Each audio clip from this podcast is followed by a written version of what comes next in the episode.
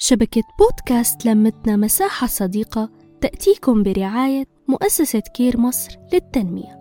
مرحبا أنا آلاء ورجعت لكم بحلقة جديدة من بودكاست قبل أن تتزوجي.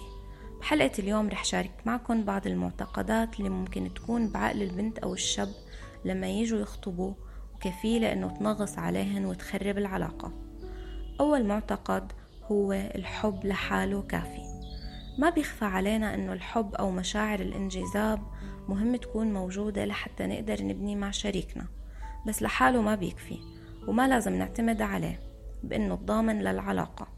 لابد يكون في توافق عقلي واجتماعي ويكون في تواصل ولغة حوار.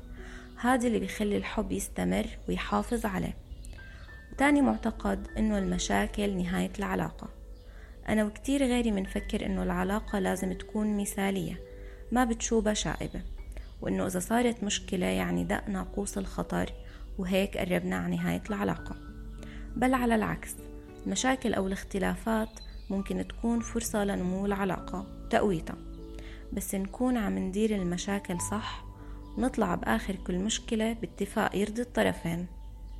ثالث معتقد إنه أتعامل مع شريك حياتي كأنه من نفس جنسي. يعني إنه بتعامل مع خطيبي كأني بتعامل مع صديقتي أو العكس. بكون مستنية أو مستنية إنه يفهمني ويتواصل معي صح. النساء والرجال بتشابهوا ببعض طرق التفكير وبيختلفوا بغيرها. مثلا البنت إذا قالت لشريكها مشكلة هو بيعطيها حلول وهي بتكون بس بدها يسمعها ويحس فيها.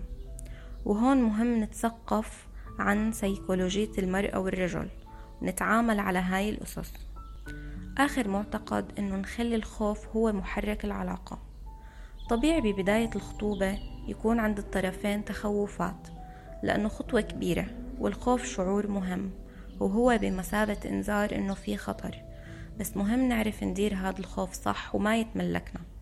ونركز على مواجهته بالتواصل والحكي من المخاوف مع شريك الحياة لأنه في كتير مخاوف بتكون نتيجة تجارب سابقة وخايفين تتكرر أو من تجارب الناس اللي حوالينا. هون أعزائي بتنتهي حلقتي معكم. بتمنى تكونوا استمتعتوا واستفدتوا وبلاقيكم بحلقة جديدة ومع السلامة. نحكي نتشارك نتواصل.